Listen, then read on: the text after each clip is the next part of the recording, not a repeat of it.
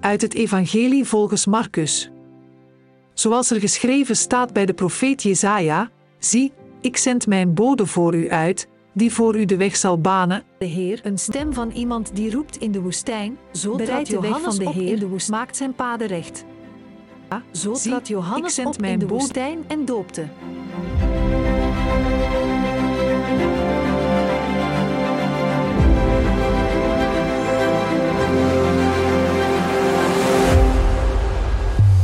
Vrienden, op de tweede zondag van de Advent komen we altijd Johannes de Doper tegen in het Evangelie. Die neemt geen blad voor de mond, zoals we weten, en hij zegt luid en duidelijk waar het op staat. En of er naar hem geluisterd wordt of niet, hij laat zich door niets of niemand tegenhouden. Laten we eens kijken naar die tijd van Johannes zelf, waarin hij leefde, waarin de tijd wa- waarin hij optrad. Het evangelie geeft dit eigenlijk aan. Het was het vijftiende regeringsjaar van keizer Tiberius. Ik, ik heb u daar eens ooit over verteld. Ik doe het nog een keer. Ehm, deze Tiberius, wie was hij? Is dat belangrijk dan, zult u denken? Nou, dat komt direct aan de orde. Tiberius, zijn, zijn ouders, dat waren vooraanstaande mensen. Op een gegeven moment gingen die scheiden trouwens, zodat zijn moeder kon trouwen met keizer Caesar Augustus. Maar, en dat was dus, werd dus de stiefvader van Tiberius, maar die kon het daar niet mee vinden. En die keizer Augustus liet Tiberius verbannen. Verweg een ballingschap, daar trouwt deze Tiberius. Maar later sluit hij toch weer vrede met zijn stiefvader, hè, met de, de keizer. En dan, hij wordt verliefd op de dochter van de keizer, Julia geheten. Ja, dan ging hij dus maar scheiden van zijn vrouw. Maar Julia, de, nieuwe vrouw dus, die rommelde nogal wat aan. En daarom deed Tiberius haar in de ban. Ondertussen was er nog geen troonopvolger, want het huwelijk had alleen maar dochters voortgebracht. En wat doet keizer Augustus? Hij adopteerde vervolgens Tiberius als zijn zoon, zodat hij de opvolger kon worden, de nieuwe keizer. Ik weet niet of je het nog kunt volgen met zo'n scenario. Zou goede tijden, slechte tijden voorlopig vooruit kunnen. Vooral als je weet dat de overige hoofdrolspelers Pilatus zijn, Herodes, ook al geen fijn heerschap, Annas en Caiaphas. En dat het vooral draait om machtsstrijd. De Romeinen ze hadden het land bezet om intrige, om lastercampagnes, hypocrisie en verraad. En ook dat nog allemaal in een tijd van oorlog, terreur, economische instabiliteit, oppervlakkige geloofsbeleving en moreel verval. Kortom, en dat is mijn punt, het is niet veel anders dan bij ons vandaag.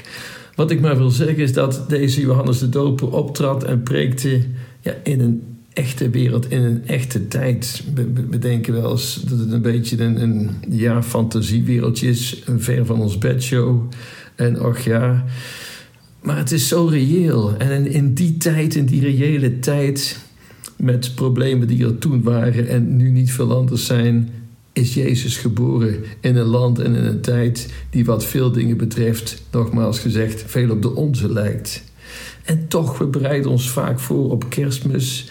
Ja, dat doen we vaak op een manier alsof het niets met ons te maken heeft, met onze wereld. Alsof het geboortehaal van Jezus ja, plaatsvindt in een soort sprookjeskoninkrijk. Bestaande uit knipperende lichtjes, grote cadeaus en een gezellige, warme kerstsfeer. Nee, 2000 jaar geleden verkondigde Johannes de Doper dit aan de inwoners van Jeruzalem en Judea in het regeringsjaar van keizer Tiberius en landvoogd Pilatus. In 2023 roept hij het tegen de inwoners van ons land in het regeringsjaar van een demissionaire minister-president. Als Willem-Alexander de koning is, als ehm, kardinaal Eijk, de, de, kardinaal is van ons land enzovoorts. Het is in deze tijd dat Johannes ons oproept: bereid de weg van de Heer, maak zijn paden recht. Zorg dat je hem ontvangt met een oprecht hart. En anders zul je hem waarschijnlijk niet eens herkennen als hij komt. Sommige dingen kunnen en moeten anders. Dus die oproep van Johannes tot bekering. Wie dat eigenlijk ook roept, en hij is net weg, dat is de heilige Nicolaas. Die heeft veel goeds gedaan. En waarom deed hij dit? Vanwege het kind in de kribbe.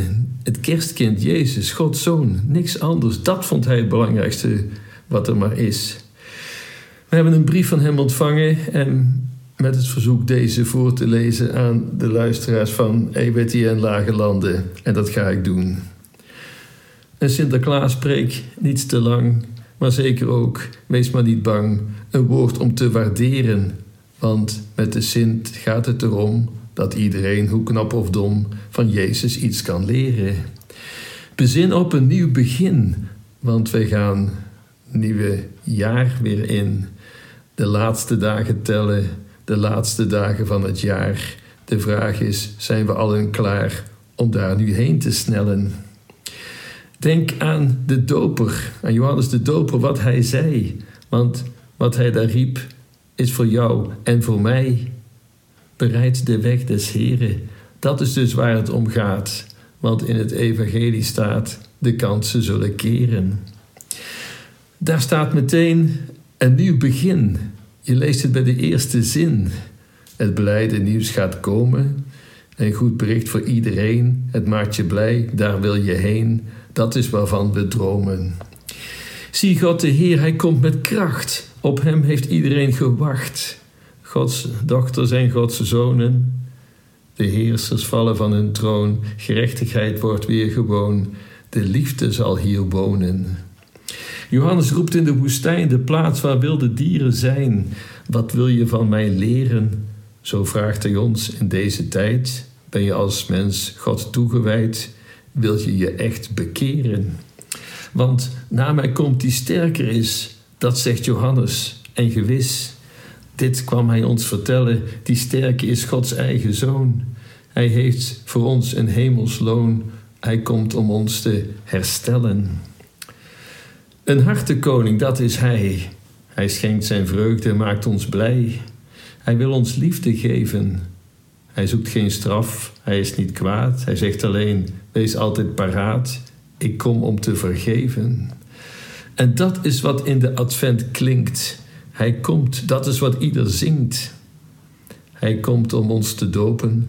Hij gaf met vuur en hij doopt met vuur en heilige geest. Hij maakt het leven tot een feest. Dat is waarop wij hopen.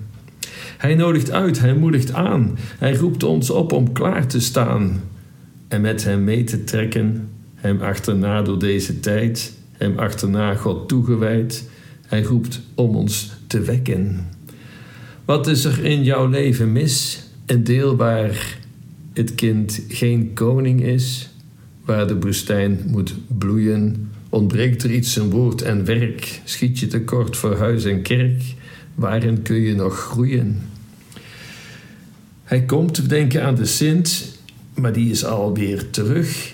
Maar wie opnieuw begint, die denkt een stapje verder. Die denkt al aan Gods koninkrijk.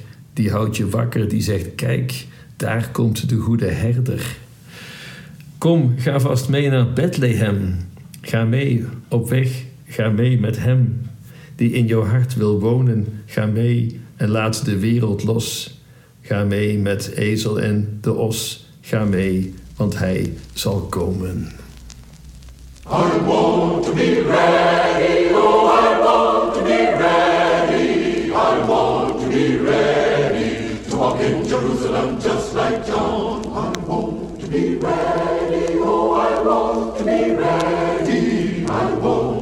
want ready to walk in Jerusalem just like John. John said the city was just four square. To walk in Jerusalem just like John. And he declared he'd meet me there. To in Jerusalem just like John. I ain't been to heaven, but I've been told. To walk in Jerusalem just like John. That the streets of pearl and the gates are gold. To walk in Jerusalem just like John. I want to be ready, oh, I want to be ready. I want to be ready to walk in Jerusalem just like John. I want to be ready, oh, I want to be ready. I want to be ready to walk in Jerusalem just like John. You said your Lord has set you free. To walk in Jerusalem just like John. Why don't you let your neighbor see? To walk in Jerusalem just just like John. I never shall forget that day. To walk in Jerusalem just like John. When Jesus washed my sins away. To walk in Jerusalem just like John. I want to be ready, oh, I want to be ready. I want to be ready. To walk in Jerusalem just like John. I want to be ready, oh, I want to be ready. I want to be ready. To walk in Jerusalem just like John.